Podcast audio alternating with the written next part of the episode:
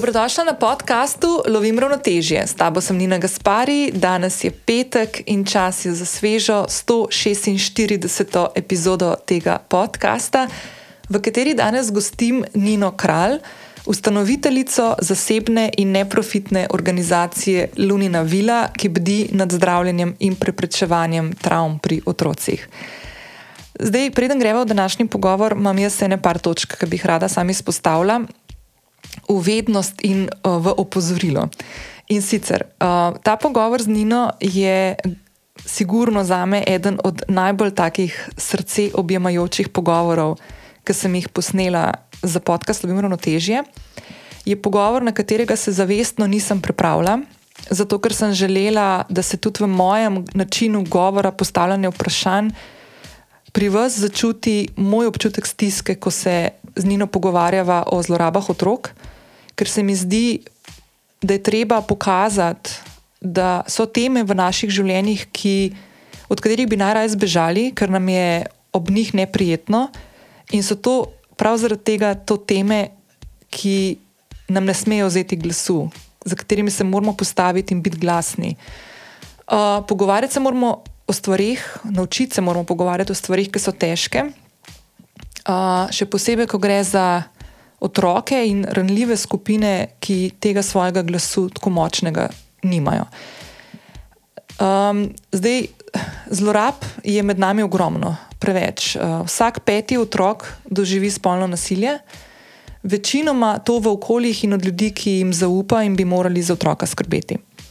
V zadnjih dveh letih in pol, torej v času pandemije, se je nasilje med štirimi stenami povečalo za 10 odstotkov, slovenska policija pa vsako leto obravnava okoli 80 tisoč različnih kaznjivih dejanj nasilja nad otroci. Zdaj, Lunina vila, ki jo vodi moja sogovornica današnja, je od svojega nastanka januarja 2017 z brezplačno terapijo po zlorabi pomagala okrevati že skoraj 300 otrokom in mladostnikom. 301 starš oziroma skrbnik je od njih dobil pomoč pri reševanju stiske. Izvedli so že več kot 150 izobraževanj in našli skoraj 40 otrokovih herojev, ki z mesečnim prispevkom omogočajo brezplačno terapijo otrok, ki so preživeli zlorabo. Tudi ti lahko postaneš otrokov heroj, več o tem v pogovoru uh, z Nino in tudi v zapisu na spletni strani, ki pripada tej epizodi. Uh, tam lahko najdeš informacije o njihovi akciji, če prijaviš, lahko ustaviš. Na njihovi strani lahko namreč kupiš medvedka, ki ga bo prejel otrok na prvi uri terapije in bo z njim ali z njo kot zaupnik ostal zavedno. Pošljaš lahko SMS sporočilo, prispevam 5 na 1919 in neposredno Lunin Vili nakažeš 5 evrov lahko pa nakaže želen znesek tudi prek uh, tekočega računa ali PayPala. Kot rečeno, vse informacije in številke računov so v zapisu epizode. Tam lahko najdeš in bo tudi zavedno ostalo vse številke in kraji, oziroma vse poti, kam lahko greš po pomoč v duševni stiski, to mi je pripravila Nina in se mi zdi ful pomembno, da to okroži med nami, ker je ogromno vprašanj, ki jih tudi jaz dobim v zasebna sporočila. Uh, ali pa jih vidim, ko ljudje iščejo pomoč zase ali za svoje otroke v trenutkih, ko jo najbolj potrebujejo in ne vejo, kam se obrniti. In se mi zdi blazno pomembno, da te informacije čim bolj razpršimo okrog uh, med nas. Um, zdaj pa še ena stvar, ki sem jo hotela dodati. Uh, in sicer jaz do tega pogovora z Nino nisem nikoli govorila o eni svoji izkušnji iz mladosti, ko sem bila um, deležna neprimernega obnašanja strani odrasle osebe v moji bližini.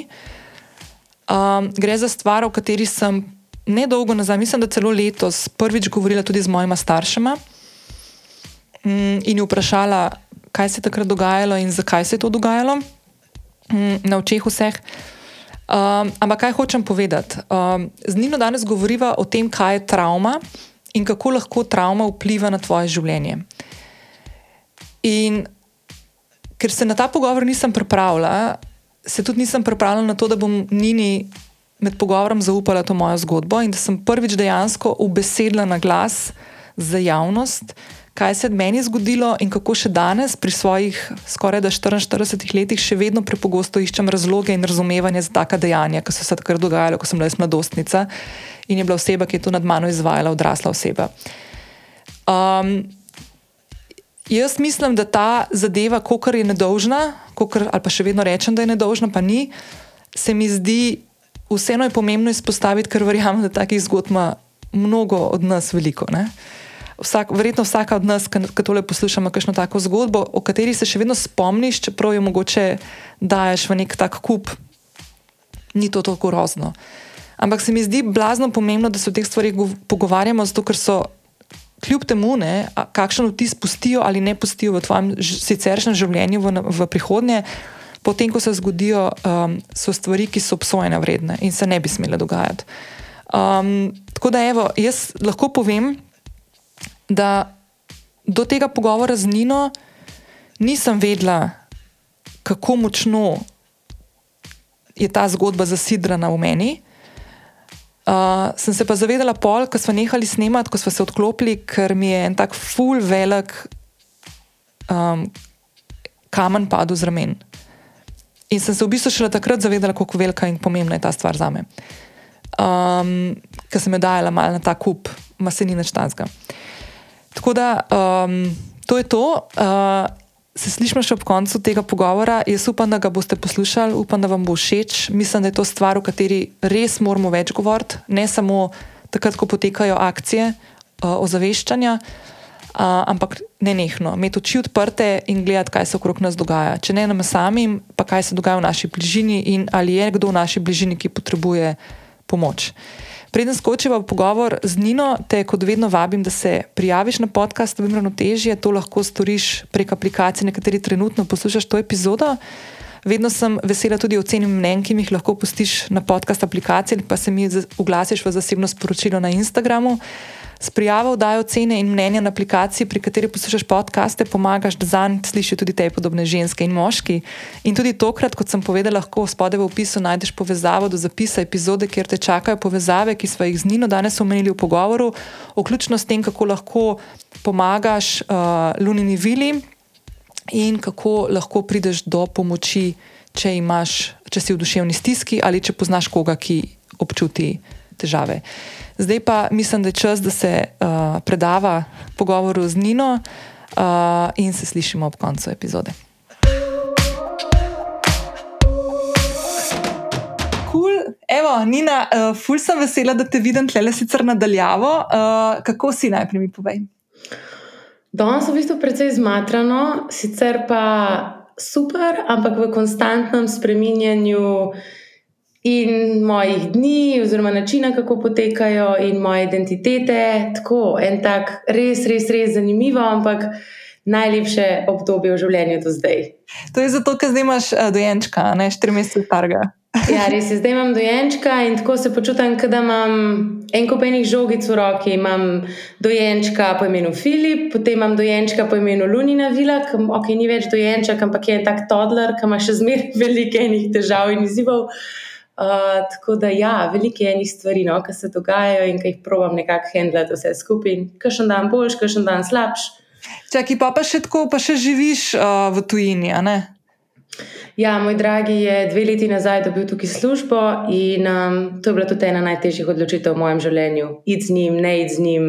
Uh, in, ampak se veš, kaj pravijo, iz najtežjih odločitev ponavadi pridejo najboljše stvari in tudi meni se je ta Bruselj pokazal za fantastično potezo v marsikerem vidiku. Tako da, ja, to je pa en poseben vrste izziv, kako voditi podjetje nadaljavo, kako čisto osebno tudi kako vzdrževati odnose, tako prijateljske kot družinske. Tako da, ja, nove življenjske lekcije na vsakem koraku. Ej, Lej, jaz ti moram povedati, da sem za Lunino vilo prvič slišala od Nataše iz Nataša Spacea. In mislim, da že kakšno leto nazaj mi je rekla, da bi pa mogla absolutno Nino spoznati in mogla bi jo povabiti na podcast. Um, in potem smo se srečali, zdaj se mi je spomnila, prej smo začeli snemati pomladi, ko si bila še, še visoko noseča na Klarini vadbi, na Imbed studio, ki je predstavljala, kako bo to izgledalo. Uh, čeprav meni se zdi, da bilo to že nekaj nazaj. Um, In evo, jaz ful z veseljem vedno odpiram. Uh, Eno so podjetniške zgodbe, tvoja zgodba je sicer vodiš podjetje, ampak je mogoče malo drugačna, pa ti bom pustila prostor, da boš predstavljala. Pa kot sem ti na začetku povedala, mogoče tako za poslušalke in poslušalce, zdaj uh, to je eden od redkih pogovorov, na katerega se jaz z namenom nisem zelo veliko pripravljala. In eden od razlogov, zakaj ga bom malo kasneje omenila, zato bi najprej rada tebi dala besedo, da predstaviš Lunino vilo. Jaz bom pa bolj povedala, je bil, zakaj je bila moja odločitev, da tukaj grem malo tako eh, zavestno v flotanje s tabo. Tako da, evo, kar izvolite, da besedo, da predstaviš Lunino vilo. Mislim, najprej sploh hvala, da sem tukaj. Tako, počutim se ful počaščeno in um, jaz res redno poslušam tvoje podcaste, tako da sem zelo vesela, da sem v taki eminentni družbi. Um, sicer pa ja, naša Lunina vila, mi smo nevladna organizacija ki primarno deluje na področju zdravljenja in preprečevanja travm. Torej, na eni strani probamo zdraviti travme na način, da tistim otrokom, mladostnikom, ki so že preživeli kakršno koli obliko zlorabe, spolno, fizično, čustveno ali pa zanemarjanje, nudimo brezplačno psihoterapevtsko pomoč. Na področju preprečevanja pa delamo s pomočjo izobraževanj za strokovne delavce, za starše, tudi s pomočjo ozaveščanja širše javnosti, tako kot recimo tudi zdaj imamo kampanjo, če prijaviš, lahko ustaviš. In naš cilj je, da bi na neki točki ostali brez dela, da pač zlorab ne bi bilo več, da ne bi bilo otrok, ki bi preživljali te grozote in da bi tudi kot družba, da bi se bolj znali soočati s tem, da bi na eni strani prepoznali ljudi, ki mogoče so v stiski in da bi tudi se znali odzvati, da bi jim znali ponuditi tisto, kar oni rabijo. Tako da ja, naša misija je res, da nekoč ostanemo brez dela, sicer res ne vem, če je to dosegljivo v mojem lifetime, ampak lej, delamo proti temu. Um, kako pa je se sploh zgodila ta zgodba, kako je sploh prišlo do tega, da, um, da se je zgodila Lumina Vila? Ali je bil kakšen poseben razlog? Ali... Ja, tako, bilo je več razlogov, ki so se nekako sešteli skupaj. Jaz že med študijem biopsihologije sem res vedela, da želim delati z ljudmi. Otroci so mi odnegdaj blizu, tudi tako, od svojega četrtega leta sem si želela, da bi bila mamica, ki me je to vprašala, kaj boš, kaj boš velika, in bi odgovorila, da bom mami. Uh, in otroci so res tako, no, skupina, s katero sem vedela, da želim delati. Uh, predvsem sem pa tudi ena tako zelo radovedna duša, ki fully rada raziskujem in sebe, svoje delovanje in tudi druge. In uh, skozi študij, ki sem spoznala travmo, ki sem videla, na kaj vse ima to vpliv. Um, Mi je še posebej bilo noro, kako sploh otroci, ki preživijo traumatične izkušnje, uh, lahko funkcionirajo. Ker jaz pogledam svoje življenje, ki so bile kakšne mnogo manjše stvari, kot ne vem, zloraba, vem, kakšen vpliv so imele na me, koliko so me lahko zaciklale za ne vem, leto, dve, tri. In pri tem, da sem jaz imela podporno okolje, celo svoje življenje, družino, starše in tako naprej. In polka sem odkrivala, koliko je teh otrok, ki pa tega nimajo. In oni še vedno kar nekako funkcionirajo, kar nekako poskušajo vzpostaviti neke odnose, se smejati, se zaigrati, mi je bilo pa to res tako fascinantno. In potem se je tekom magistrskega študija v moji glavi porodila ena ideja za en projekt, vsak otrok šteje. In iz tega projekta se je vedno bolj razvijala ideja o tem, da bi pa res bilo dobro, da bi tudi v Sloveniji ponudili ne samo tisto enkratno pomoč otrokom, ki so preživeli zlorabo, da pridejo na eno, dve srečanje, ampak nekaj kontinuiranega, nekaj, kar bi njim pomagali, da začnejo res na novo funkcionirati, da lahko to predelajo in postavijo na novo svojo identiteto. Potem me je še dodatno spodbudil, ko sem delala na enem inštitutu, kjer smo tudi nudili pomoč otrokom in mladostnikom, kjer se je dogajalo, da z večjo težavo ali pa z večjim izzivom, kot je prišel otrok, manj denarja so imeli njegovi starši. Pa ne pravim, da je to zdaj pravilo, ampak velikrat se je to zgodilo. In se veš, ker nisi sam svoj šef, ti ne moš kar 10-20 klientov vzeti brezplačno. Uh, in takrat sem rekla, ok. Dajmo mi postaviti nekaj, kjer bo pa to poslovni model, da bomo pač lahko nudili to pomoč. In takrat je prišel ven razpis za zagon socialnih podjetij, in sem rekla, ok, dajmo provat če rata, rata, če dobimo, začnemo, če ne pa še malo pošparamo, pa bolj začnemo. In um, razpis smo dobili. Takrat se mi je zdelo, da je ta velik del že narejen, si veš, kako je to na začetku poslovne poti. Um, in ja, pa smo začeli. Kaj boljš na začetku, da ne veš, kaj se še čaka. Absolutno. Ne, ne, nikakor ne. Kjerega leta je bilo to, ko ste dobili uh, ta, ta prvi denar? 2016. 2016 smo dobili razpis, potem smo pa v bistvu z januarjem 2017 začeli delati. Sej, to je bilo tako, ne, dobili smo 20 ur, meni se je zdelo, da s tem bom rešila svet. Pa se veš, ko začneš delati, vidiš, da je to ful premalo in takrat se je res zgodba šele začela. No. Ampak um, ja, s prvimi klienti se je začel odpirati en čist nov svet, vidiš nove izzive, vidiš, kaj vse manjka tudi znotraj sistema. Kako težko je tudi delati psihoterapijo, če imaš na drugi strani sistem, ki žal prevelikrat ne deluje, oziroma prevečkrat ne deluje, od sodnega sistema, preiskovalnih postopkov, drugih organov, ki bi mogli delati kot ne, pod nekih strokovnih smernicah, pa vidiš, da žal temu ni vedno tako. Tako da to nas je pa pol dodatno spodbudilo tudi v to ozaveščanje javnosti, ozaveščanje in izobraževanje učiteljev, staršev, kako reagirati, kako prepoznati.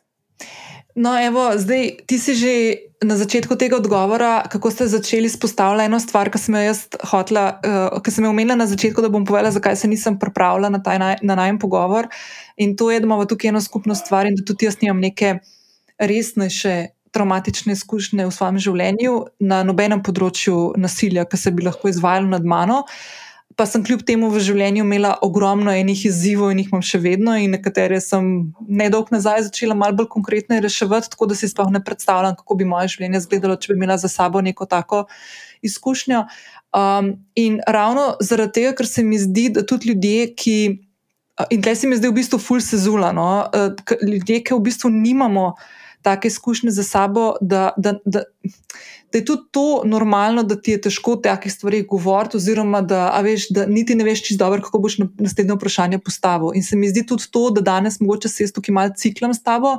Kot en tak dokaz tega, ne, da kljub temu, da ti je včasih težko, ali pa da so kakšne take teme, od katerih običajno um, pobegnemo v kakšne bolj take lahkotnejše, ne, uh, da, da ni nič narobe, če, če se soočaš z enim takim uh, pogovorom. Mogoče kakšno stvar zraven uh, narobe poveš, ali pa se zagovoriš napačno, in tako naprej. In tudi to je del čistko normalnega pogovora. Um, veš, kaj sem te hotla? Uh, eno stvar, ki zdaj le fur razmišljam, je, um, meni se zdi noro, no, že to postaviti podjetje. Ne? Mislim, jaz sem tako one-man band, pa vem, kaj je to od mene zahtevalo pa rečemo, da od mojega dela ni odvisen en otrok, koliko se mu bo pomagala. Ne? Tako da mislim, da tako hočem nekako dajati v neko tako. V nek tak okvir. Da mi povej, uh, ti januarja 2017 odpreš podjetje, dobiš tistih 20 tisoč. In prej si omenila, da ena stvar na eni ravni, ki delate, je, da pomagate otrokom in mladostnikom, ki so uh, imeli neko izkušnjo traumatično na katerem koli področju nasilja. Druga stvar je pa tudi, da izobražujete strokovne uh, kadre, da se znajo, da, da delajo s temi otroci in mladostniki. Zdaj, ena stvar, ki me tukaj zanima, ne, je, kako furaš tako podjetje, oziroma po domačne, kako od leta 2017 do danes dobiš noter dovolj denarja, da te, mislim, dovolj, se najbrž ga ni nikoli dovolj, ne, ampak denar, da lahko konec koncev te stvari urejaš, vodiš in da, da tukaj projekt teče naprej, oziroma podjetje teče naprej. Ja, zdaj specifično finance, kot si rekla, so vse čas neki izziv. Ampak glavni, da tako rečem, poslovni model je ta, da z izobraževanjem za učitelje, za starše eh, in drugimi aktivnostmi, ki jih počnemo, tudi plačljiva psihoterapija, ki jo izvajamo za vse ostale problematike, recimo vem, učne težave, slaba samopodoba, eh, kakršne koli težave, s katerimi se otroci soočajo, pa niso zloraba. To je nekak način, kako dobimo finance. Je pa res, da brez naših podpornikov brez individualnih posameznikov, no, ki donirajo mesečno um, ali pa letno. Bi zelo, zelo, zelo težko obstal. Ker dejstvo je, da je teh otrok, ki rabijo brezplačno pomoč, ogromno. Ko se je začel COVID, smo imeli en ogromen naval, res ogromen, kar naenkrat je bila čakalna vrsta, polna 35 otrok je čakalo v vrsti. Uh, Um, to se pol počasno malo puca, ali pa pol se mi zdi vsakega decembra, pa ne vem zakaj je decembr tak mesec, ampak takrat je en tak naval klicev, mogoče tudi, ker so prazniki, ker ljudje mhm. začnejo malo reflektirati. kako sploh recimo starši, ki ti misliš, da mogoče okay, ena stvar za otroka niti ni bila tako grozljiva, pa si pa doma za praznike vidiš, da ima ful velik vpliv, da otrok težko funkcionira in takrat pa poiščeš pomoč. Uh, tako da vse čas se nekako. Borimo s tem, kako dobiti dovolj financ, da ne bo čakalne vrste, ker meni je najhujša stvar, niti ne zgodbe otrok, ki jih slišimo. Um, ampak to, da ka mene, ne vem, pokliče mamica in reče: moj otrok ne more spati, moj otrok ne more jesti, moj otrok se drgne ob mizo in se samo zadovoljuje do krvi, da takrat rečem, joj, gospa, pol leta je čas za počakati. To mi je. Pač srce se mi strga, ker otrok rab pomoč takrat in starš rab pomoč takrat, in pomembno je ukrepati v tistem trenutku. Mhm. Tako da to je res en tak večni betel, ki ga konstantno probam loviti nek balans, no, ampak osnovni poslovni model je pa ta profitne dejavnosti, ki financirajo našo neprofitno stvar.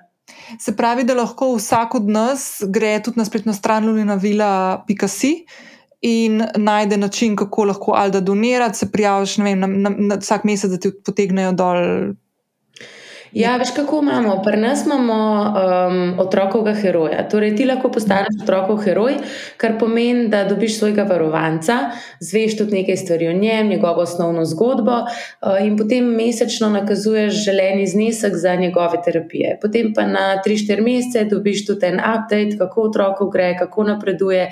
Seveda ne zdaj neke res zasebne informacije, ampak čisto osnovno, kako gre terapija, na katerih področjih se delajo premiki. Tako da otrokov heroj je ena možnost, lahko tudi pošlješ SMS, uh, prispevam 5 na 1919. To je tudi en način, kako nam lahko pomagaš. Vedno pa rabimo tudi prostovoljce, uh, ljudi, tudi, ki delijo naše vsebine, ker ozaveščanje je res velik del našega dela in več ljudi, ki deli naše vem, poste, uh, članke, objave več ljudi lahko dosežemo. In včasih se tudi zdi tako, jo, pa se jaz, če podelim en post, neč tem ne naredim. Ampak v resnici to ni res, ker ljudje, preden se odločijo za to, da bojo prosili za pomoč ali pa prišli nekam, rabijo spoznati organizacijo, rabijo dobiti neko zaupanje. Enkrat sem prebrala eno raziskavo, da. Povprečno ženska, ki je žrtev nasilja, ima številko organizacije, ki bi lahko pomagala tam nekje 3 do 4 leta.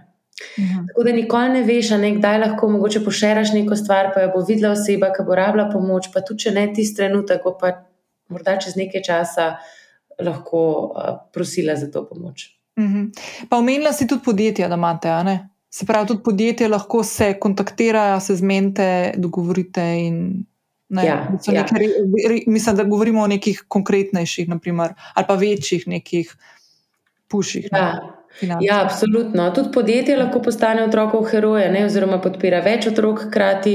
Um, lahko gre za, recimo, velikrat se tudi podjetje odloča, sploh v decembru, da bodo naprimer, na mest vem, za zabavo 20 tisoč, da bodo 10 tisoč dali dobrodelni namen, pa ostalo za poslovno zabavo.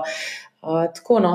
Zelo mi je tudi všeč, da se podjetja odločajo, da želijo svoje zaposlene imeti upletene v to, tako da potem tudi zaposleni dobijo update, kako gre temu otroku, mogoče tudi jaz mhm. pridem v podjetje, malo povemo, kaj pa kako. Da ljudje res vejo, da delajo spremembo.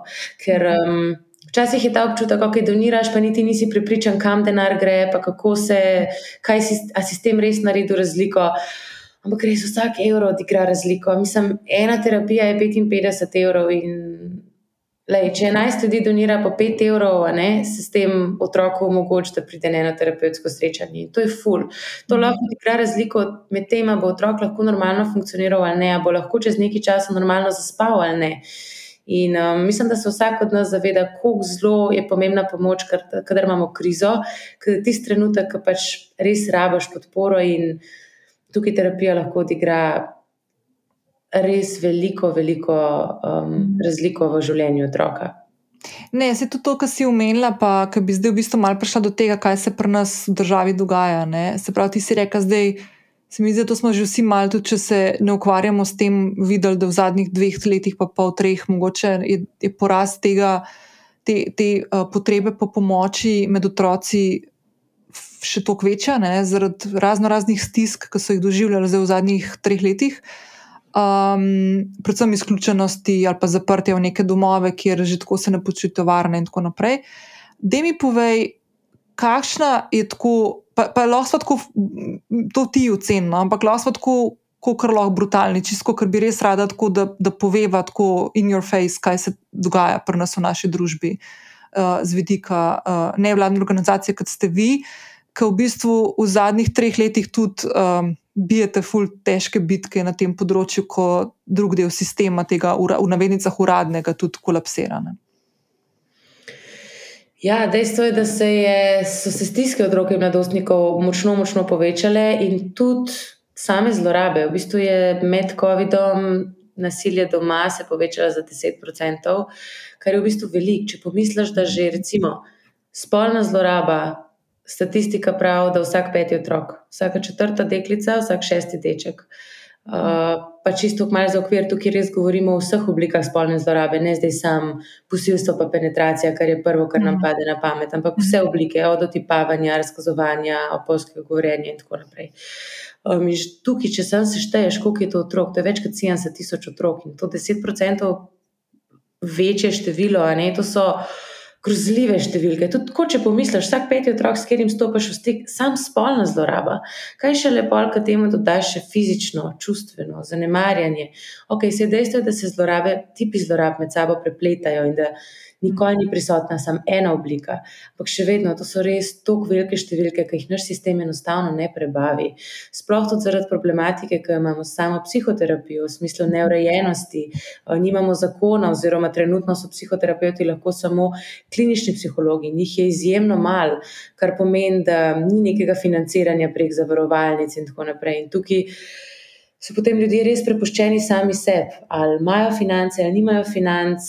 Pri otrocih je pa še to, ne moramo se zavedati, da večina nasilja se dogaja v otrokovem zaupnem krogu, največji del celo doma. In zdaj starš, ki otroka zlorablja, ga ne bo pripeljal na terapijo in ti ne bo plačal za to, da bi se otroku pomagali. Pa je pa tista druga starš, ki recimo ni zlorabljajoč, ki pa velikrat ostane brez nekih finančnih zmožnosti, ko se zgodi, da ne vem, odkrije, da se zloraba dogaja, pa gre potem stran. Zdaj, tipičen primer, gre mama stran od, od nasilnega očeta, ampak tudi obratne primere imamo. Tako da. Kar se sistema tiče, imamo tukaj res ogromno luken. Pa ne samo mi kot organizacije, tudi ostale, s katerimi se pogovarjamo, Društvo za nenasilno komunikacijo, SOS, telefon in tako naprej. Vsi imamo ta problem, da imamo res polne kapacitete. In um, tukaj jaz srčno upam, da se bo ta zakon končno razrešil, da to lahko postane del zdravstvenega sistema, da nas bo dovolj.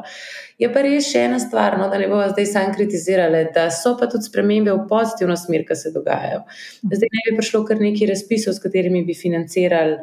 Um, psihoterapijo, psihosocialno pomoč otrokom in mladostnikom, tudi v okviru nevladnih organizacij, sploh pa na področju spolnih zlorab, se je pa v Sloveniji zdaj odprl uh, Barnahus oziroma hiša za otroke. To je pa v bistvu hiša, kjer nudijo na eni strani tudi pomoč, po drugi strani se pa tam dogajajo otrokom prijazni preiskovalni procesi. Torej, da je otrok zaslišan na ta prav strokoven način, da je izveden forenzični intervju, tako kot je treba z otrokom, ne da zdaj vsak policaj pač po svoje, kukorkoli ima izkušen ali pa jih nima, zaslišuje otroka. Um, po drugi strani se potem tam zgodi tudi uh, zdravniški pregled otroka, in da se to vse zgodi na nek otroku prijazen način, da je pod eno streho, kar pomeni, da otrok ne hodi na 20 različnih institucij, pa stokrat ponavlja svojo zgodbo, ampak da je okolje, ki ga pozna, da so osebe, ki jih pozna. Tako da to je en ful pozitiven korak in nekaj, kar je bilo res nujno, nujno uvesti v slovenski prostor, in zdaj jo imamo. Imamo to hišo za otroke, ki deluje. Tako da ni vse samo minus, no, so tudi pozitivni koraki in spremembe, ki se zgodijo. Mislim, da je ful lepo slišati. Ne? Ker, veš, zdajle, jaz sem zdaj že ne parkrat, se mi zdi tako naletela uh, na različnih kanalih, ki so se pojavile, uh, um, predvsem običajno mame. Ko so iskale uh, pomoč, uh, psihološko ali pa psihiatrično pomoč za otroka, uh, in je niso dobile, pa je bilo kritično. Uh, In eno stvar, ki bi te v bistvu takoj prosila, veš, kaj bi ful rada tudi zbrala na, na en kup, um, kam se lahko, naprimer, starš ali pa konec koncev otrok, če je že dovolj velika, ne, kam se lahko v bistvu obrne, če je res neka situacija, iz katere se more po najhitrejšem možnem postopku odstraniti, oziroma da poišče čim hitrejšo pomoč. Ker zasledila sem, da v bistvu. Če, če imam zdaj prav podatke, ne, da v bistvu tebe morajo, ali greš na urgenco ali pa na polikliniko, mislim, da v Ljubljani, zdaj ne kako po drugih mestih, ampak da v bistvu otroka morajo sprejeti in ga vzeti ne, in obravnavati, če je kritično. Kako, kako gre s temi stvarmi načeloma? Tako? Ja, zdaj odvisno govoriva o okolju, ki je v tistem trenutku nevarno. Se pravi, recimo v primerih nasilja je situacija sledeča. Uh, v primerih nasilja, ko se stvar dogaja, tisti trenutek se vedno najprej kliče policijo, zato da oni lahko sploh celo stvar ustavijo.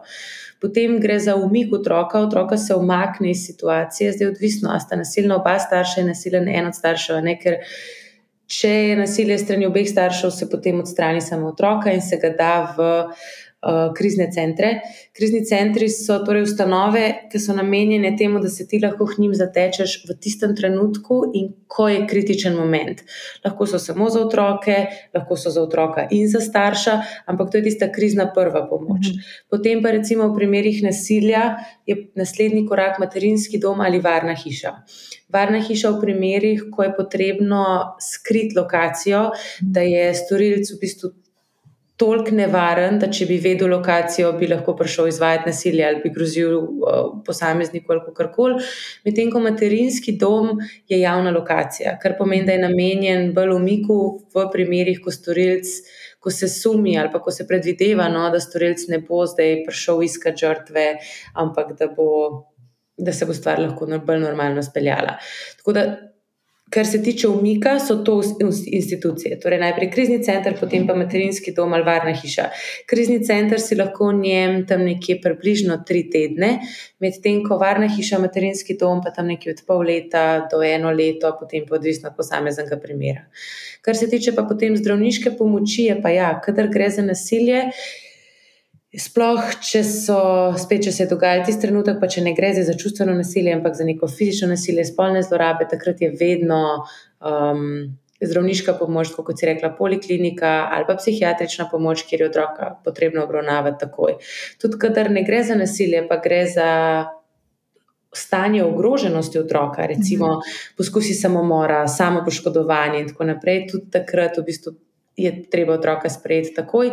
In vsaj po mojih informacijah, v večini primerov se to zgodi. Je pa res, da ne dobijo redne obravnave takoj. Ne, recimo, če greš ti na psihiatrijo, tam so srečanja ponavadi enkrat na mesec, ne vsak teden, ampak imaš ti krizo. Ko otrok spet ne more spati, to ima, ima vsak večer problem s tem. To je stvar, ki pa vpliva na, na šolo, na dnevno funkcioniranje, na čisto vse aspekte njegovega življenja takrat ponavadi enkrat na mesec ni dovolj. Druga varianta pa je, da se otroka sprejme v bolnišnično obravnavo, v smislu, da je pač potem tam en mesec, dva, dokler se stvar ne stabilizira. Tukaj imamo pa spet problem v prostih kapacitetah, ki jih ni dovolj, glede na to, koliko otrok bi potrebovali to vrstno pomoč. Jaz sem pred kakšnimi parimi meseci, mislim, na začetku poletja, poslušala eno um, psihiatrinjo iz Štarskega dela, ki je točno to govorila, kako je pri njih na kliniki, um, so polne kapacitete ne, in večinoma gre za punčke, deklice, samo poškodbe in prehranske motnje, največ. Ne. In da je v bistvu imajo polno, ne, in da nimajo kam. Nimajo več kaj početi. Zato, zato me to sprašujem, ker si sploh ne predstavljam, plus to, kar si zdaj omenila, enkrat na mesec, to je meni ne vem, že. Čist premalo. Že kakšne druge, la, lažje oblike pri odraslih ljudeh, jih red, bolj redno potrebuješ. Ne? Tako da to ja. se mi zdi res, res nevrjetno. Um, da bom jaz zbrala vse na kup, na kup te stvari, pa te podatke, uh, pa bom dala tudi jaz na svoj, na svoj, na stole, zapis epizode. Um, zdaj, omenila si vsak peti otrok, ne? Oziroma vsaka četrta punčka, pa vsak šesti fantak si rekel, da imajo za sabo, umeli, so, oziroma so imeli neko obliko spolnega nasilja ne, oziroma ja. zlorabe. Ne. A so to neke take številke, primerljive uh, s tujino, z Evropsko unijo, z, vem, globalno gledano, ali mi mogoče v kakšni stvari naša družba izstopa? Ne, to so številke, ki so tako globally accepted, uh, kjer niso noč drugačne pri nas ali pa v Ameriki ali pa sem. številke po vseh raziskavah so nekje konsistentne. Je pa res, da moramo vse te številke vzeti zelo z rezervo.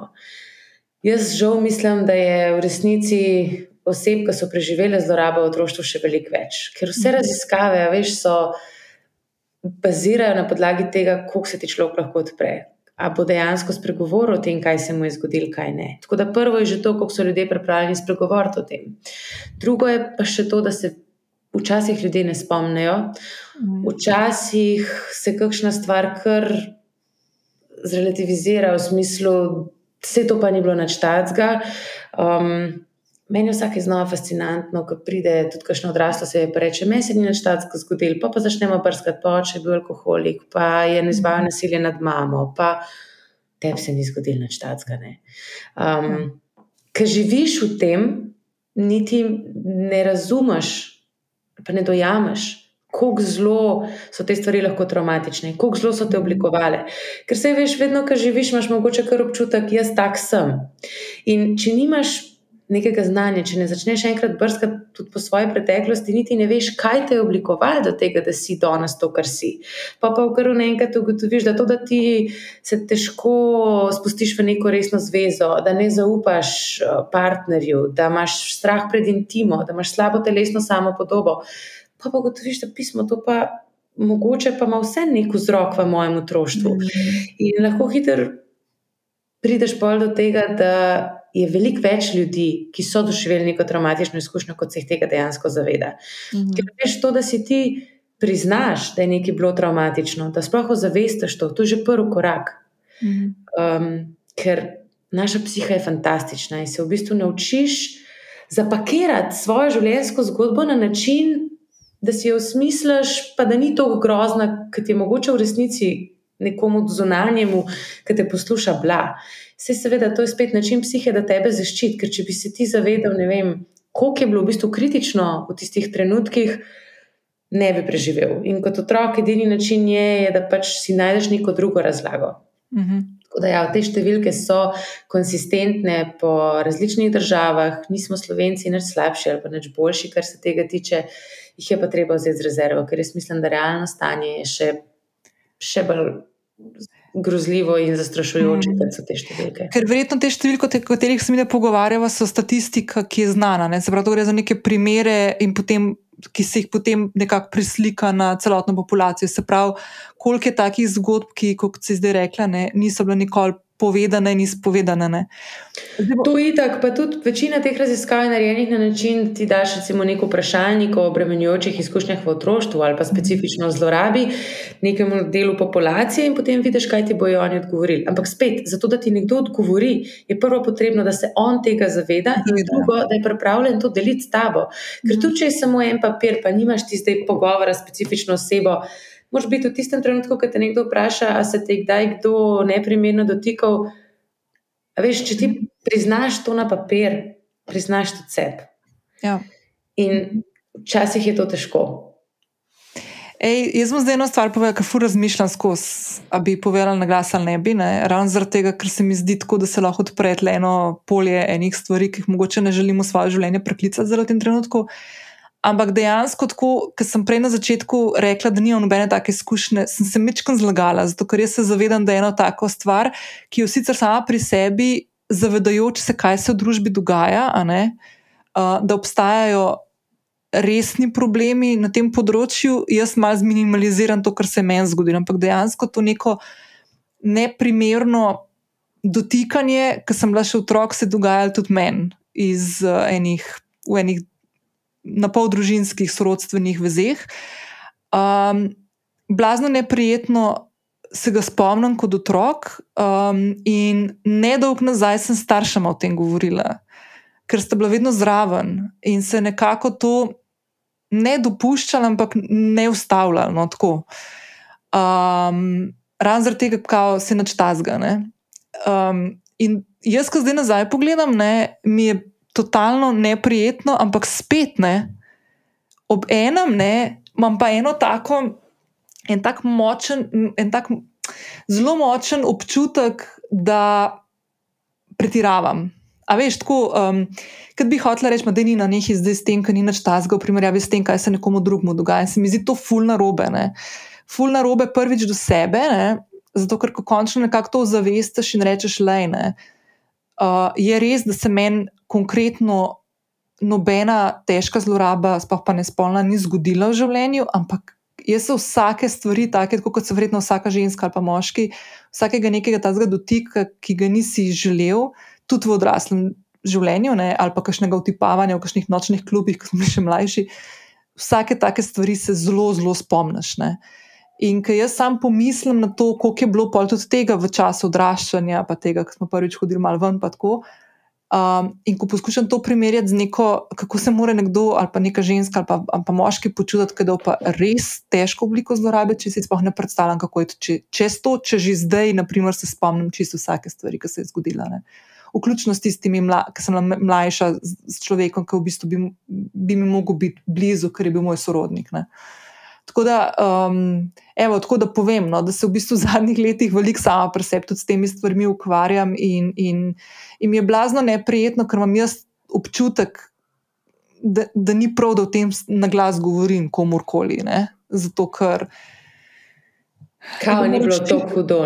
Ja, in da, mo, ja, da to ni dovolj, stvar, ki se je zgodila, dovolj pomembna, oziroma nekako še vedno ščitam človeka, ki je to počel pa ni bilo ok, da je, ker je bil odrasel in tako naprej, samo pa otrok. Da, Mislim, prvo ni na stori, ki te prekinja, ampak vsaka ti čast in en velik, velik poklon. Um. Povedati to na podkastu javno, jaz ti povem, da si zdaj le s tem, da si to podelila, zagotovo odklenila kakšno Pandorino skrinjico, tudi če pa komu drugemu, ki je doživel to isto. In um, res, vsaka čast. No. Ne, pa se to... veš kaj. Sej, lej, čist, če sem zelo iskren, kako mi zdaj to, to se tudi nisem hotela pr pripravljati, veš, ker nisem vedela, v kakšno smer se bo zapeljal ta pogovor.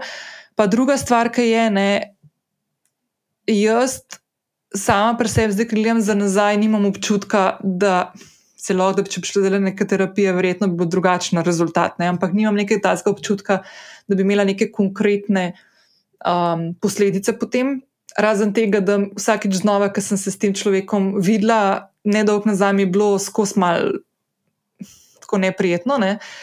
Uh, druga stvar, ki pa je, je pa ta, da um, se mi zdi tako, da tudi take stvari se moramo pogovarjati. Zato, ker verjetno tega res veliko. Če se to meni zgodi, ker imam občutek, da se mi nič tazgani v življenju, se mi zdi, da to ni, ni ok, treba se pogovarjati. Tak, to je poseg v neko intimo, v nek tvoj zaseben prostor, ki je bil nezaželen. In karkoli tazga je pač. Treba obsoditi in reči, da ni ok. Absolutno, pa veš, fora je tudi, koliko se nam ena toleranca žal zviša na ta način. Ja.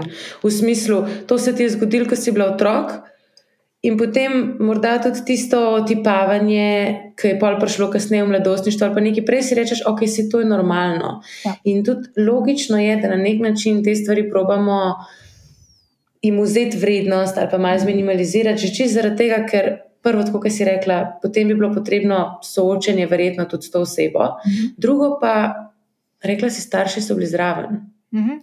To pomeni, da če temu daš dovolj vrednosti, na nek način moš priznati, da moji starši so bili tam, pa ja. me niso zaščitili. Ja.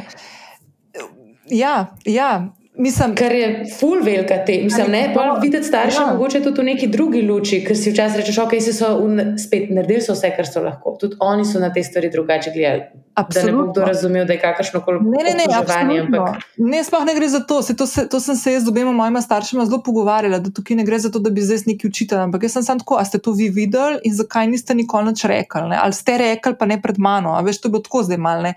Druga stvar je še ena. Ne? To se dogaja, tako ful radi, pa začnemo iskati neke razloge, razlage, upravičila in tako, in, in gre v to, ne, in to so bili drugi časi.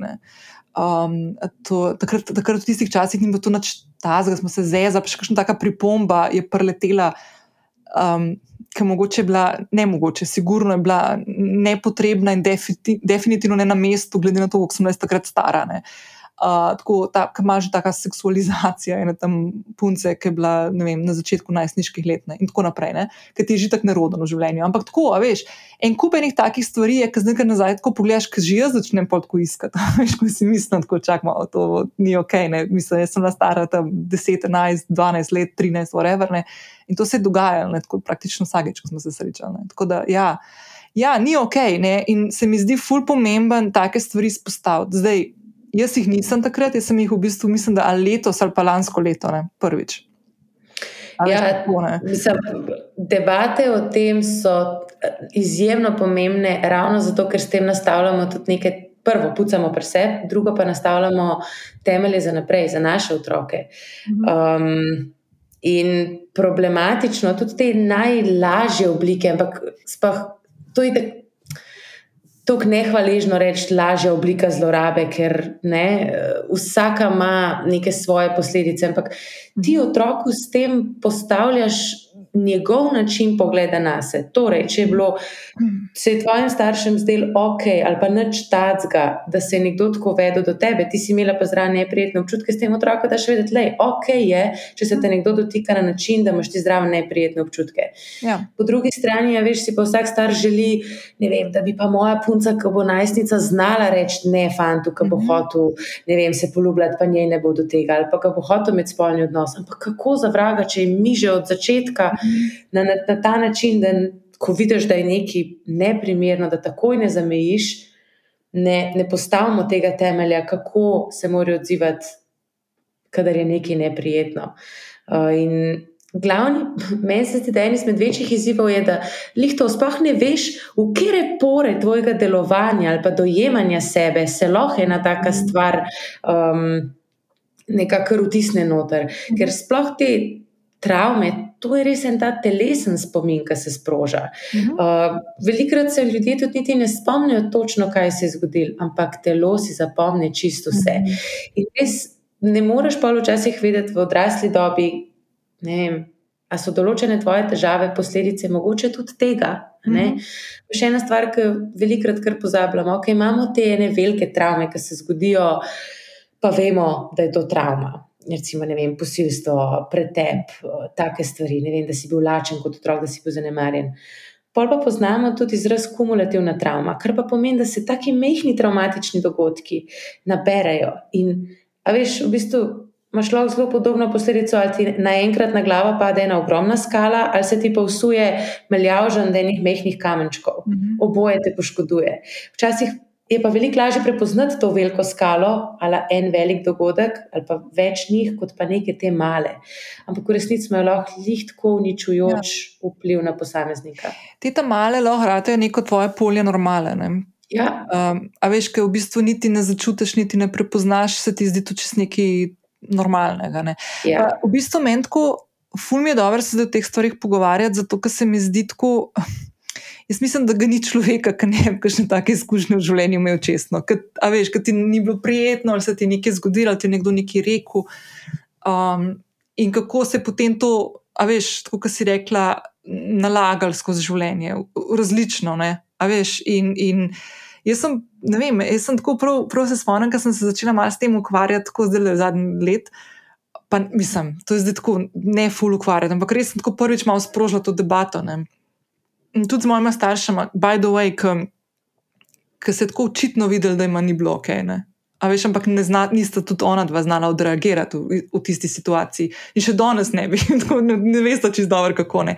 Ampak to, kar si ti rekla, je v bistvu meni ful dobro. Da eno je, kako se učimo tega, kako uh, učimo svoje ali, ali otroke ali ljudi, ki jih imamo okrog, da se samo izražajo, da se um, da povejo, da ja, ne, ne, kje so tiste neke meje njihovega delovanja in, in, in polja zasebnega, druga je pa pol zgled, ki ga daješ ne z besedami, ne, ampak ga v bistvu s svojimi dejanji, ki se ali zgodijo, ali se pa ne zgodijo. Ne. In jaz, na primer, kot zanimivost. Ne, Kljub temu, ne, kar se zdaj pogovarjamo, imam nek tak občutek, da sem takrat malo tako bila nezaščitena, rečemo, strani. Mislim, blasi. Ne? To je dejstvo. Ja, ampak veš, zanimivo vse ne pa tako, pa ne da bi zdaj nekaj upravičevala blazno, ampak nimam občutka, da sem res kadarkoli v življenju nevarna. Veš, vedno sem tam dajala občutek varnosti. Ne? In v bistvu edina stvar, ki se jo tako spomnim, ki se je zgodila, ko bi lahko rekla, da takrat pa se ni zgodilo to, kar bi se mogli, je bil na primer te primeri, ne? Ki so se dogajali, by the way, to ob srečanjih, to ni bilo enkrat. Um, ja, no, tako zanimivo. Se je, veš, velikrat, ko govorimo o travmi, lahko tudi pozabimo na protektivne faktorje, oziroma na tiste okoliščine, ki pa pomagajo posamezniku, da se še vedno lahko počuti varno. Ne? Sej, spet, travma ni dogodek sam po sebi. Travma je način, kako ga ti interpretiraš. Uh mhm. -huh. In če si se ti v splošnem počutila varno, če si vedela, da sta tam, je imel potem tudi ta dogodek manjši vpliv, mhm. -huh. kot če tega splošnega občutka, recimo, ne bi bilo. Ja. Um, mi je pa vedno znova, pri vseh primerih, s katerimi se srečam, zanimivo, sploh, kadar gre za družinske prijatelje, za nekega družinskega člana. Ne? Kako mi otrokom velikokrat rečemo, vse bi naredil zate, na koncu sveta bi šel zate.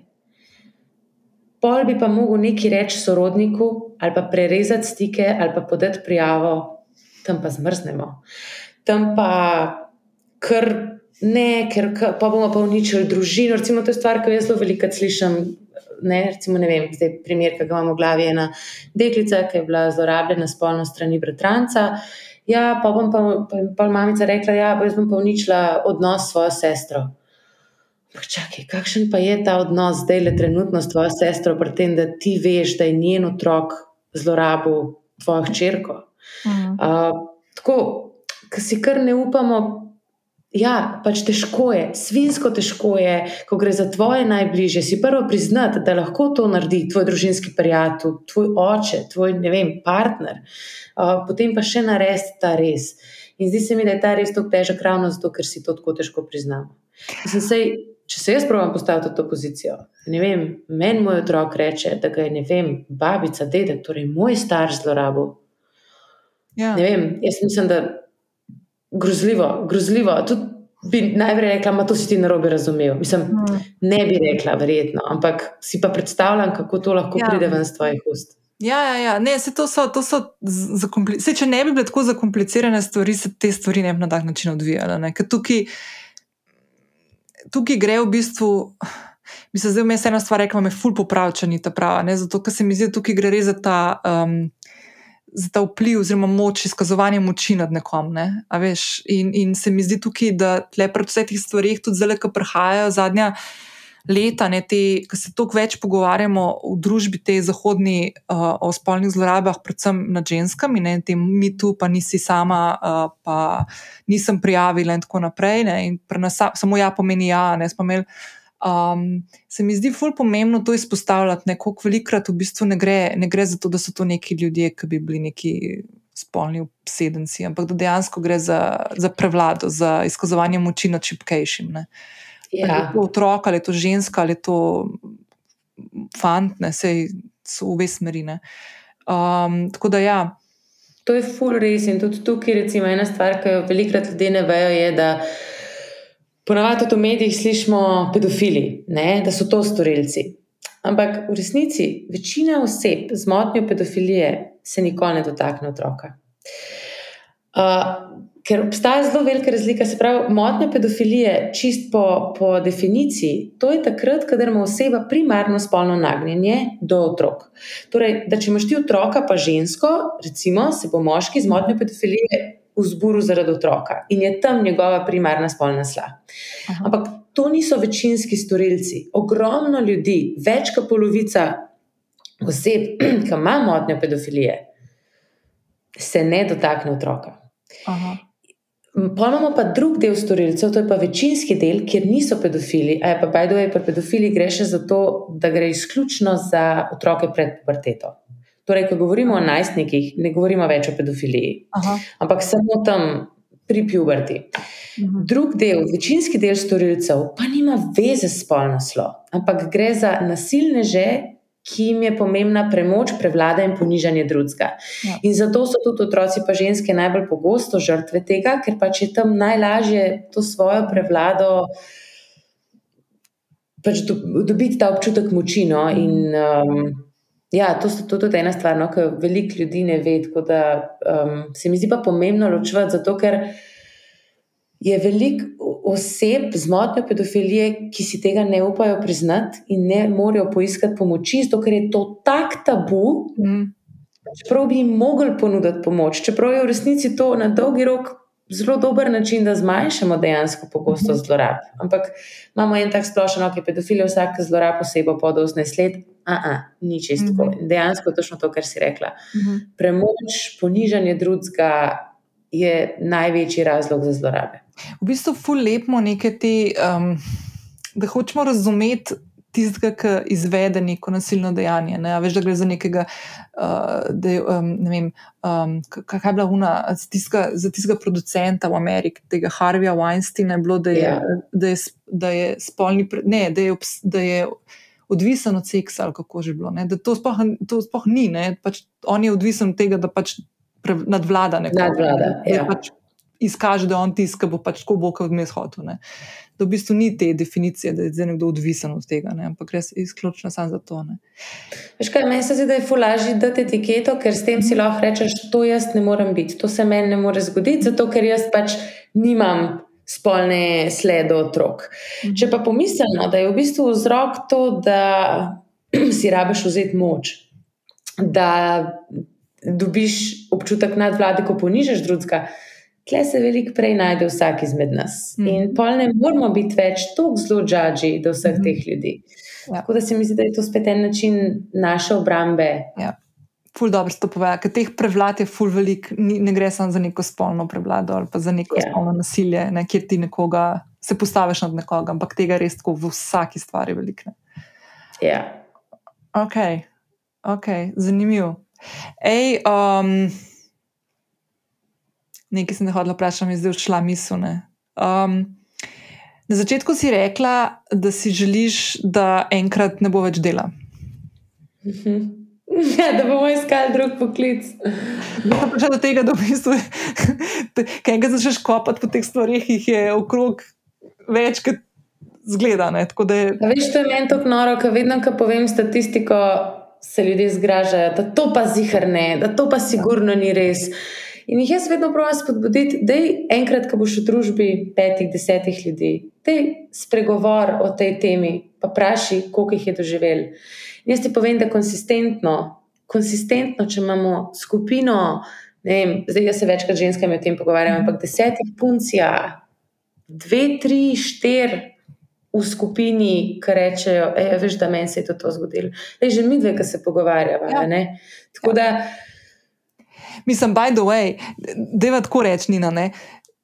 Jaz, verjetno do današnjega dne, ki sem se zdaj le stava pogovarjala in podelila še to svojo izkušnjo, bi rekla, da sem ponovadi, ko smo se pogovarjali s prijateljicami, sem rekla, jaz sem pa to srečo, da nikoli nisem imela nobene stvari take za umet. Pa v bistvu ni res, ne? V bistvu. Ja. In a veš, in pol na koncu, ne. ja, pismo. Res začneš tako tako drug mindset dobiš. Ne? Tako kot v bistvu tudi enih stvari, ki si jih sam dal čez, pa si jih mogoče malo. Mogoče da to nek predal, pa se reko, to pa ni tako grozen, kot se je pa tam neki kolegici nekaj zgodilo. Ne bom jaz raje dala tle, ker sem v bistvu srečna, ker nimam nič. Ne? In tako, kot vedno, ne? se vsakič, ko se tebi neka stvar zgodi, je tvoja in je zaradi tega tudi naj, lahko največja. Ne? Čeprav se še vedno ne počutim tako, ampak ja, je, ne, ne morem zdaj minimalizirati tega. Ampak dejansko, po mojem, vsak neko, če ne vsaj približno neko tako izkušnjo, ki se spomne v življenju, ki je bila vsaj neprijetna. No? Mislim, zagotovo. Trauma je tudi neki, oziroma traumatični dogodki, dogodki, ki lahko sprožijo traumatičen odziv, to doživi vsak od nas. Mhm. Pa je pa zelo odvisno tudi od okolice, v kateri smo, od okolja, ki ga imamo. Ali bo to ostala neka nepredelana trauma, ki se nam bo shranila vse celice in pore našega mhm. telesa, ali bomo pa to predelali. Recimo, meni je ful zanimiv. Podatek je delal, so eno raziskavo, se je šlo za naravno nesrečo. Ampak primerjali so koliko je bilo posttraumatske stresne motnje med osebami, ki jim je zavarovalnica priznala škodo zaradi naravne nesreče, pa med tistimi, ki jim zavarovalnica tega ni priznala. In je bila tako, zdaj ne imam točno številko v glavi, ampak nora razlika. Pa ne zato, ker ti je zavarovalnica dala nek denar, ampak ker je bil tam nekdo, neka javna institucija, ki je rekla: hej, res se ti je to zgodilo. Res je bilo grozljivo, res je bilo težko. Aha. In to je že to, kar rabiš. In zato tudi, recimo, če primerjaš posttraumatsko stresno motnjo pri zlorabah ali pa pri naravnih nesrečah, je pri naravnih nesrečah mnogo manj. Pa ne zdaj sam zaradi same narave dogodka, ampak zato, ker le, se zgodi, ne vem, potres, požar ne samo, da cela skupnost stopi skupaj, še sosednje države, še cela okolica, vsi validirajo to tvojo izkušnjo mhm. ti, in so tam zate. In ti lahko potem ta čustveno močen dogodek predelaš, in predvsem dobiš občutek, da je svet varen, da se lahko zaneseš na ljudi, da jim lahko zaupaš. Medtem ko pri zlorabah, ki se pa večinoma dogajajo znotraj družinskega kroga, kjer se o tem ne govori, je pa prvo že to, ne da se je nekaj zgodil, ampak ti je nekdo, ki bi te mogel imeti najrajš neki na redu, torej njegova odločitev. In drugo, nimaš tega okolja, kjer ti bojo vsi rekli, hej, to res ni bilo ok, to ni bilo prav. Um, tako da, ja, od okolice je zelo lahko odvisno, kako boš ti nek dogodek predelal. In dejstvo je, da vsak od nas doživi kakšne izkušnje, ki so lahko traumatične. In spet od okolice je velikrat odvisno, ali bo to za nas predstavljalo neko travmo ali ne. Ali bo samo en res, res težek dogodek, ki smo ga pa uspeli predelati, prečutiti in mogoče iz njega še celo zrast. Ej, a veš, tako zelo fur razmišljam. Mm, v zadnjem obdobju se mi zdi, da je bilo tako res že sam te stvari po medijih, ki si jih spremljal, koliko je bilo enih teh um, femicidov in napadov, in konc koncev, ne vem, se ni treba samo spolne napade ali pa spolne zločine, lahko greš tudi tako, kako se napada ljudi pulci, zdaj ne ponovama, veš, to je za nekaj čisto normalno. V bistvu se je politiziralo, se je, da zdaj tizga, ki se ne strinjaš z njim, avtomatično lahko. Na pol tam napadaš na ulici. Ne? In kaj me najbolj fascinantno, pa me v bistvu to zanima, če slučajno tako veš, ker se mi zdi, da vedno se nekako tako začne pol v družbi vrteti, veš to, da more tisti, ki je bil žrtev ali pa tisti, ki je žrtev, ne, dokazovati to, da se je to zgodilo. Ne. In da gre skozi tukaj neki za ta občutek nekoga, ki sam spremlja od zunaj te stvari, da gre za to, da se toliko enega dvoma polaga v te stvari, da se meni včasih zdi prav nevrjetno, da še kdo kaj prijavi, čisto po domačno. Pa me samo zanima, veš, aj ta, aj, meni se ne zdi tako, jaz nisem naletela na en kup enih zgodb, ki bi, naprimer, nekdo si izmislil nekaj in pol bi se to izkazalo, da je bilo neresnično. Ne. Teh, teh stvari, da si nekdo nekaj izmislil. V takih primerih ne, je tako verjetno tak, tak promil mehen, ne, da, da po, dati to na celotno, na celotne te zgodbe en tak sum, ne, da je treba to zdaj. Točno tako, kot praviš. Pač teh zgodb je toliko malo, da bi si nekdo res nekaj ja. izmislil.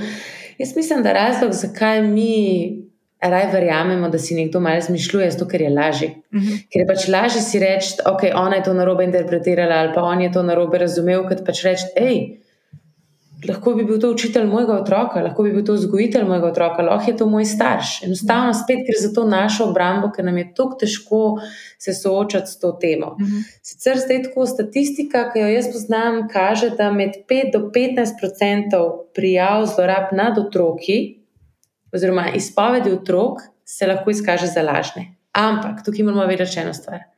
Veliko krat, se, ali pa v veliki večini teh primerov, ki so zavedeni kot lažni, se v bistvu ugotovi, da je šlo za neko obliko zlorabe, samo mogoče strani druge osebe, kot je otrok rekel, strani v drugem okolju, na drugačen način. Ker si ti lahko predstavljaš, da, te, kaj, da se otrok razbudi in reče: Uf, jaz sem pa danes mislil, da se me, da me je dedek otipal. Pač, ja, ja. To otroku ne zraste, ker tako na. Mislim, To ni nekaj, kar se kar zgodi. Tudi če se otrok zlaže, -hmm. mora biti v izjemni stiski, da to naredi, mm -hmm. kar spet pomeni, da nujno rabi pomoč. Mm -hmm. Pa predvsem, kot si rekla, teh primerov je tako malo, da je neskončno krivično, da zaradi tega pod vprašaj postavljamo vse te zgodbe, ki bi jih v bistvu res mogli. Uh, slišati in reagirati. Se mi skrbi, da bi jim vsakeč znova, sploh, ko gre ja. za kakšne zlorabe strani župnikov, ali pa strani, kot bi se reklo, vsi te femicidi, ki so bili, vedno grejo po tem mediji do sosedov in vedno je ena ista zgodba. On je bil tako krasen. Ja. ja, v redu, bil je krasen do tebe, ampak v resnici, če vemo malo o storilcih, vemo, da so manipulativni, vemo, da so to velikrat ljudje, ki spet imajo moč, zato jo pa hočejo.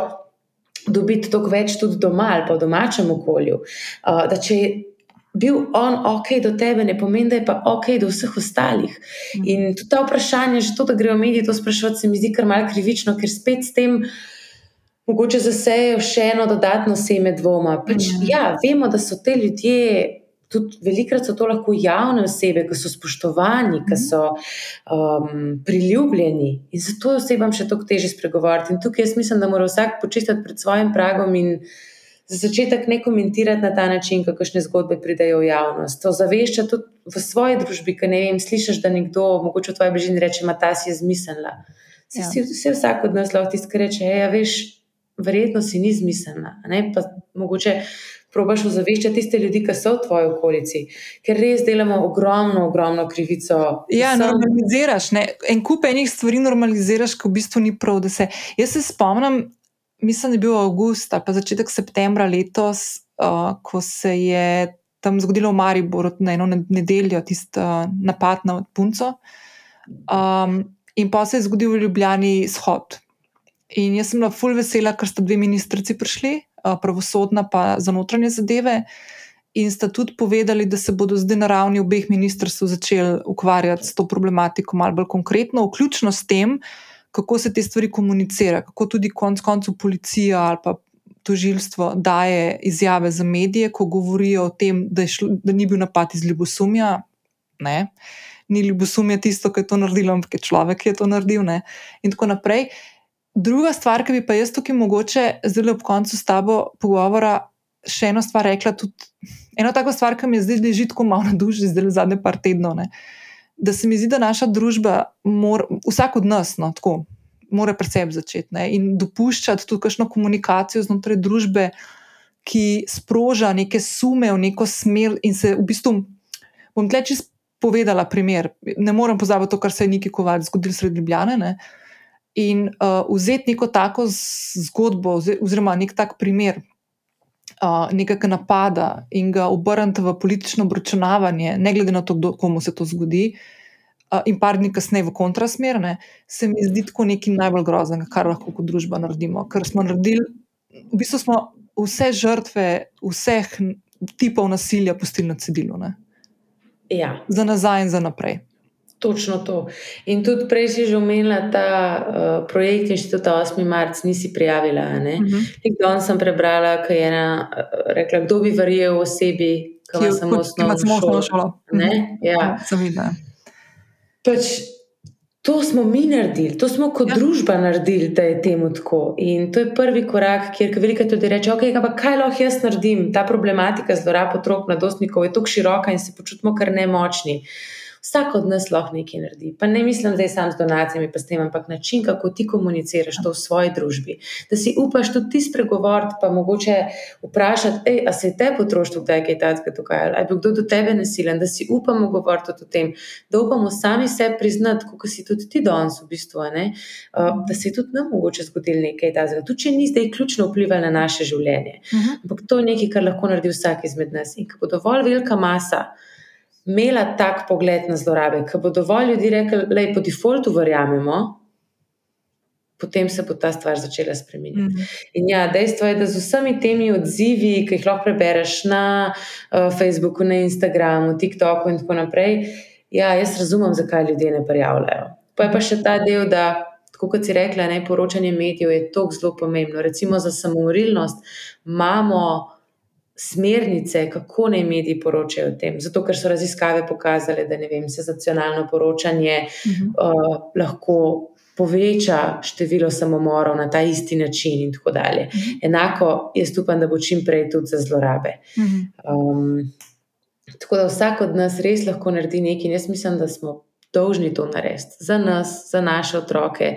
In uh, še to sem hotel reči, no, da se mi zdi, da je še en razlog, zakaj to ljudje zelo težko prijavijo, je pa tudi to, da v mediji nikoli ne pridejo dobre zgodbe, v smislu, ko je policija dobro odreagirala, ko so bili uh mhm. -huh. na primeren način zaslišani, ampak vedno pridejo v medije samo fejli, samo tam, kjer sistem odpove, kar da človeku še dodaten občutek, da se itak ne bo nič drugače, tudi če prijavimo. Oziroma, mm -hmm. še dodatno pride mogoče strah, ok, ampak da ne bo prišlo do retraumatizacije, itak bo samo še težje, samo še slabše, to, kar bo mogel povedati eno isto zgodbo, ljudje mi ne bojo verjeli. Pa bi mogoče za konec rekla, da naša izkušnja, recimo v Lunini Vili, ko podajamo prijave, sploh spolnih zlorab, je pravzaprav velikrat zelo drugačna. Uh, imamo primere, kjer mislim, policija reagira tako, da je, bi bilo res treba obelodan širši družbi, da to znajo.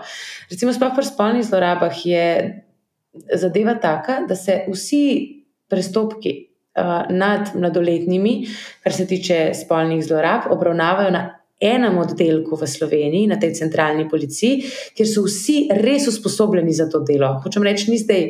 Prijavaš, pa pride do nekoga, pa on znal ne. Uh mhm. -huh. In te ljudje so res, res, res strokovnjaki. Mi smo primere, tisto, ki sem ga recimo prej omenjala, uh, deklica, pa njen bratranc, uh, kjer je imela punčka zelo, zelo močno potrebo po potrditvi, da je res tudi okolica potrdi, da se je to res zgodilo.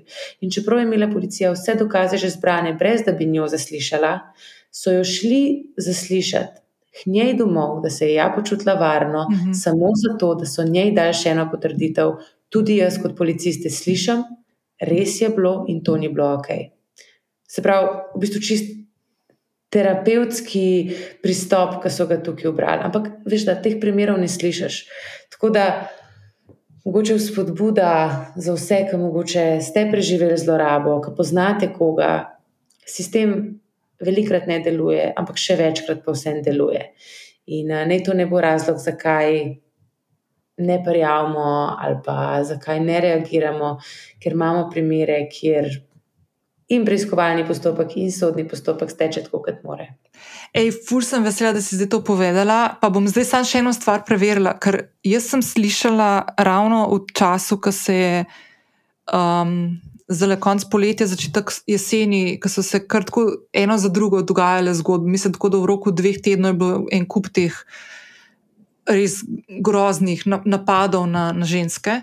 Pri nas um, sem se dobila z eno, uh, z Alenko, Alenko, ki je smet umet, pa z inštitutom 8. marca, Alenko Kričbricel, in mi je omenila, um, aj zavod ključ. Aj se prav spomnim. Mm -hmm. Je, ne, da so zraven pri spolnih zlorabah in tudi grejo na teren s kriminalisti, če treba, in tako naprej. Um, da ni tako črno, kot zgleda, ja. ko dobimo neko medijsko poročanje. Ne. Uh, In sem bila ful vesela, ker sem za ta primer slišala, kako dobro v bistvu tudi take organizacije pol sodelujejo uh, s policijo. In se mi zdi še ena stvar, no, ki bi jo furala tle izpostavila, ker zadnje dve leti smo poslušali ogromno e, enega, ene gnojnice, ki se je zlivala na nevladne organizacije, ker tako vse počesane, ali pa sploh, ki se je eno. Da v bistvu ste nevladne organizacije tiste, ki en kup enega dela opravite, ki ga inštitucije uradne, ne uradne, v navednicah uradne, ne, ali zato, ker so podhranjene, ali zato, ker ga ne zmorejo, ali zato, ker ni enostavno ljudi. In bi se tebi tukaj, tebi in vsem, ki delate na tem področju, ful rada zahvalila, da ste. Um, jaz bom usmerila uh, tudi v vodo, že no, uh, poslušalke in poslušalce na spletno stran od Lunine Vile. Um, pa najdete tam ali pomagajte, kako koli. Če bo kdo to delil na svojih družabnih omrežjih, ta pogovor ne še luni novilo po tega, da bo šlo tako.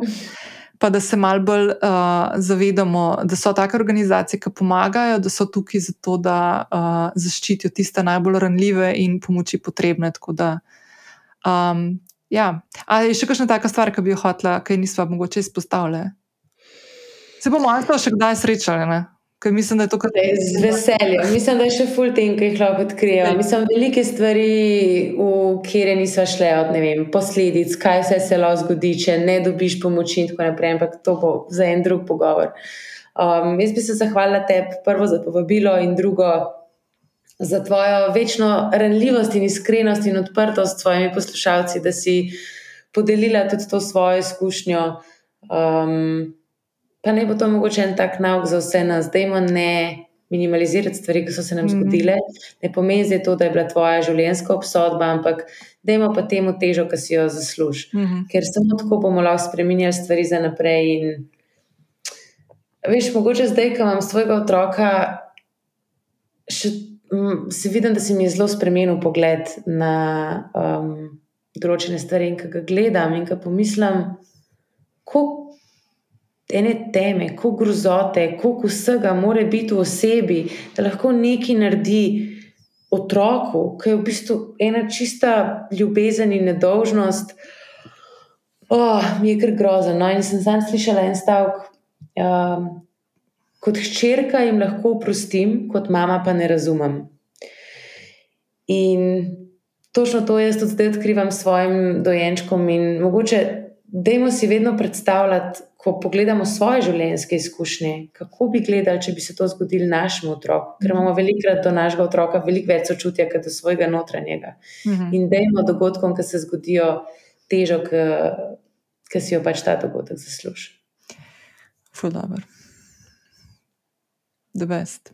Ful lepo.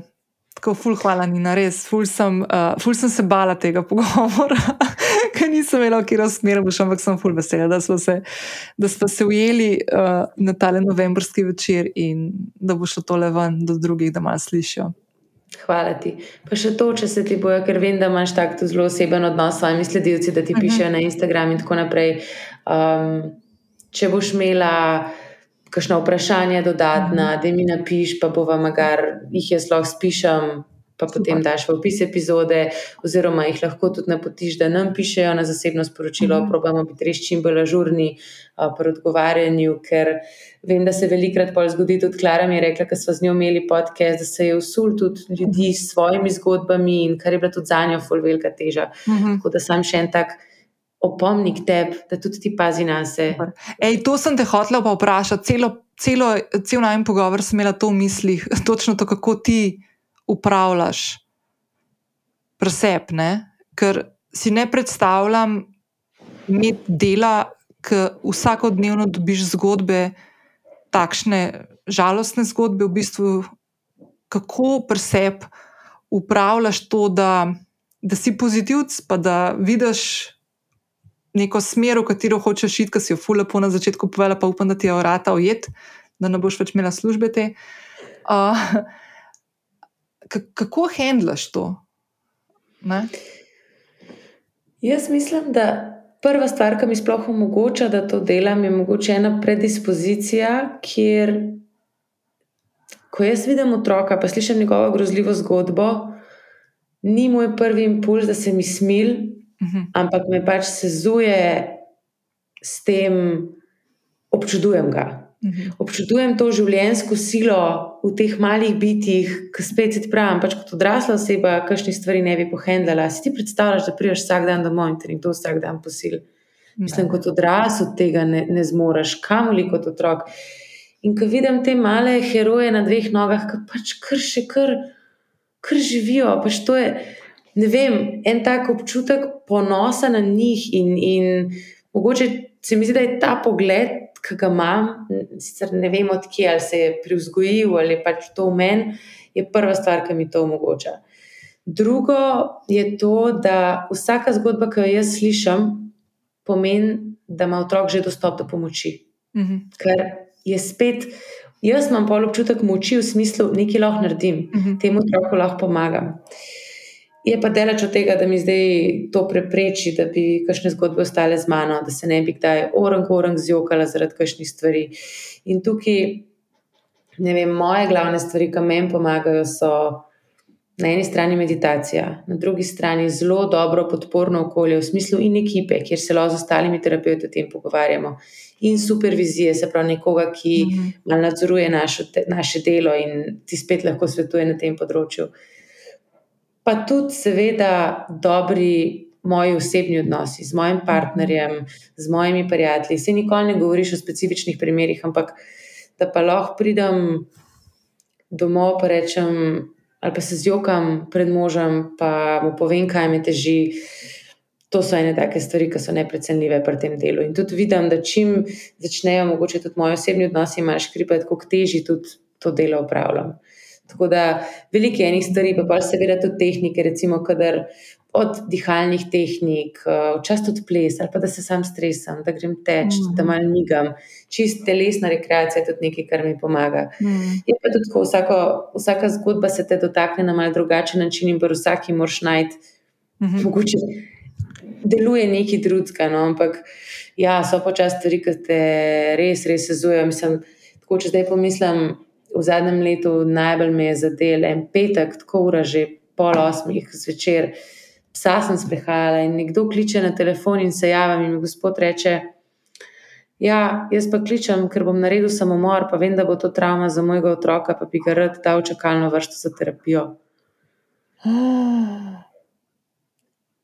A veš, kaj te pač sezuje na vseh na vseh nivojih. In pa mi v isti sapi on pove, da jaz sem zdaj na zaprtem oddelku psih, psihiatrije, jaz bom to naredil, ne glede na to, kaj mi vi rečete.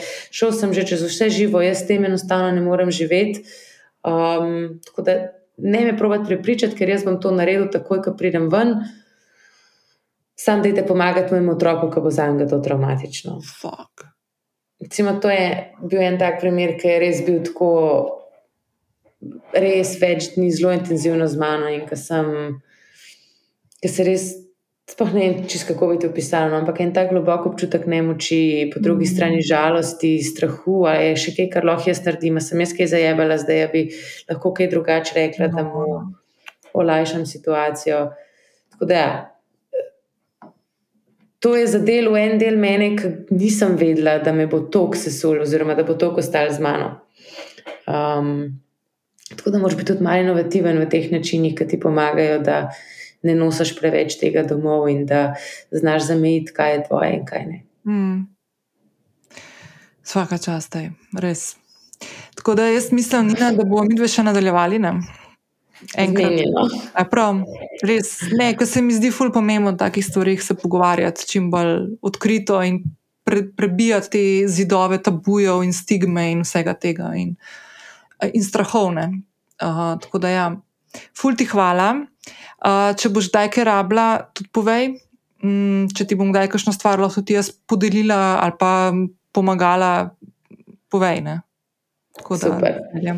Hvala ti in Hvala. tudi uh, še enkrat za vse poslušalke in poslušalce. Smo tukaj, če nas rabite, dajte nas kontaktirati v opisu epizode, bojo številka, kontaktne informacije. Tudi če je nekaj tazga, kar se vam zdi, ok, se to pa ni bilo tako grozno, to pa ni bila tako velika travma. Daj si priložnost za, za rast tudi iz teh stvari in za priložnost, da predelaš mogoče še stvari, ki se ti niti ne zdijo tako hude, ker nikoli ne veš, kako še boljše je lahko tvoje življenje, mm če ne bi bilo nekih takih potlačenih, traumatičnih dogodkov.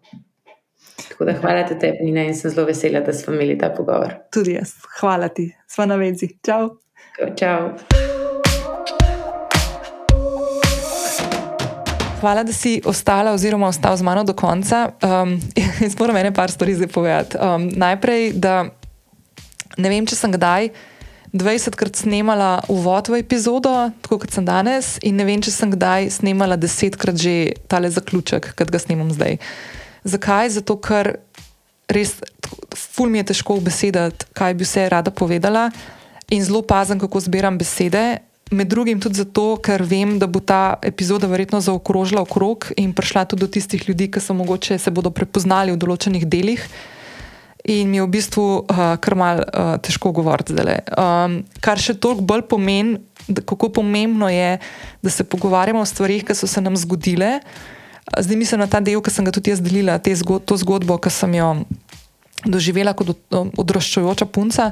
Um, da neham iskati razloge in upravičila in, in razlage, zakaj so se določene stvari zgodile, in da jih neham odlagati na umkup, ah, se ni bilo nič tako groznega lahko bi bilo ful slabše, lahko bi, lahko bi se mi bolj grozne stvari zgodile, ampak da dejansko začnem te stvari predajati tistim, ki ne se s tem ukvarjajo, ker so bili takrat odrasli in so to izvajali, delali ali pa ne naredili nič, ko so to videli. Tako da to bom tle pustila in bom zaključila s to zgodbo. Uh, hotela sem povedati to. Prva stvar, da v zapisu epizode, ki ga najdeš na ninagaspari.com, pošiljka epizoda 146, te čakajo vsi načini, uh, kako lahko tudi ti finančno pomagaš Lunini Vili in s tem pomagaš, da otroci in mladostniki dobijo brezplačno terapijo, uh, ki jim bo pomagala pri um, reševanju oziroma um, sprejemanju in spuščanju travm, da bodo lahko v svojem življenju živeli um, čim bolj mirno ali pa umirjeno življenje naprej, če se temu lahko tako reče.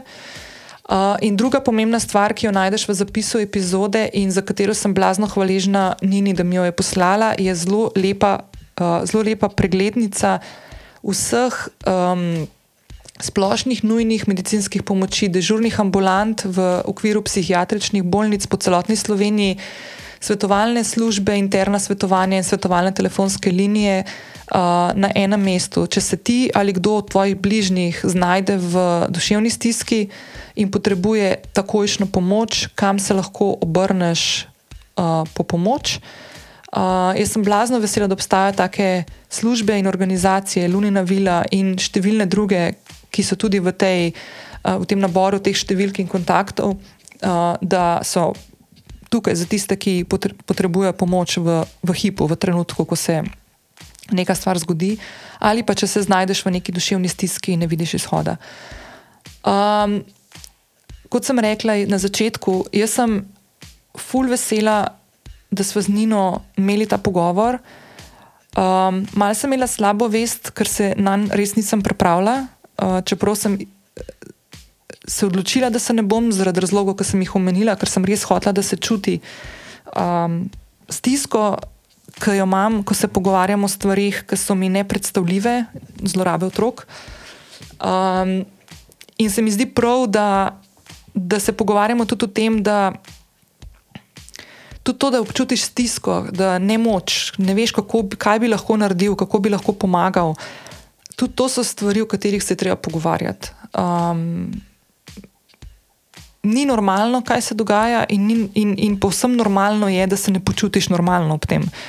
In je to nekaj zelo naravnega, in, in zato ne ti ne bo težko, in ne ti ne bo uh, problem se uh, pogledati tem stvarem v oči. Ne?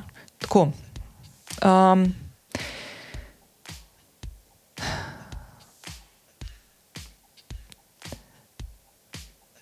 ja, težko je. No. Ful, težko se o teh stvarih pogovarjati. In, in ful, hvala še enkrat vsem, ki ste ostali do konca. Uh, ful, hvala Nini, Palunini Vili in ostalim, ki se ukvarjate s to problematiko. In še eno stvar bom izpostavila. Zakaj sem Nini tudi ful hvaležna? Še ena stvar, ki jo je naredila Fulvelka, je to, da je ob koncu najnega pogovora izpostavila, da organizacije oziroma inštitucije, ki,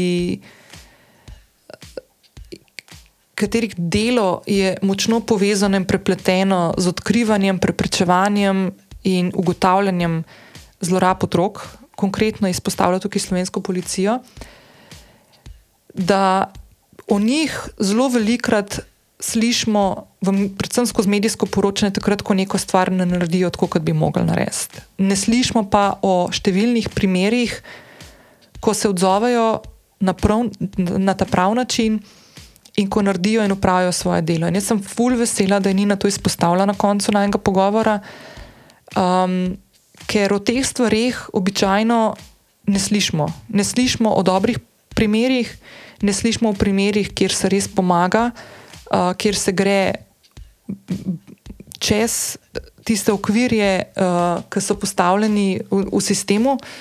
Um, in jaz sem zdaj, kot sem na koncu pol, pol dodala, tudi, da sem v zadnjem letu slišala za ene par takih stvari, ki se dogajajo na ravni uh, pomoči žrtvam. O katerih nisem vedela nikoli, nisem slišala nikjer. In sem fulj vesela, da obstajajo inštitucije, organizacije, ki so pripete na um, na te uradne institucije, kot je policija, tožilstvo in tako naprej, in jim pomagajo, da skupaj rešujejo te stvari boljše. Um, V, v korist žrtev. Tako da, ful, hvala Nini, tudi da je to izpostavljeno, se mi zdi ful pomemben.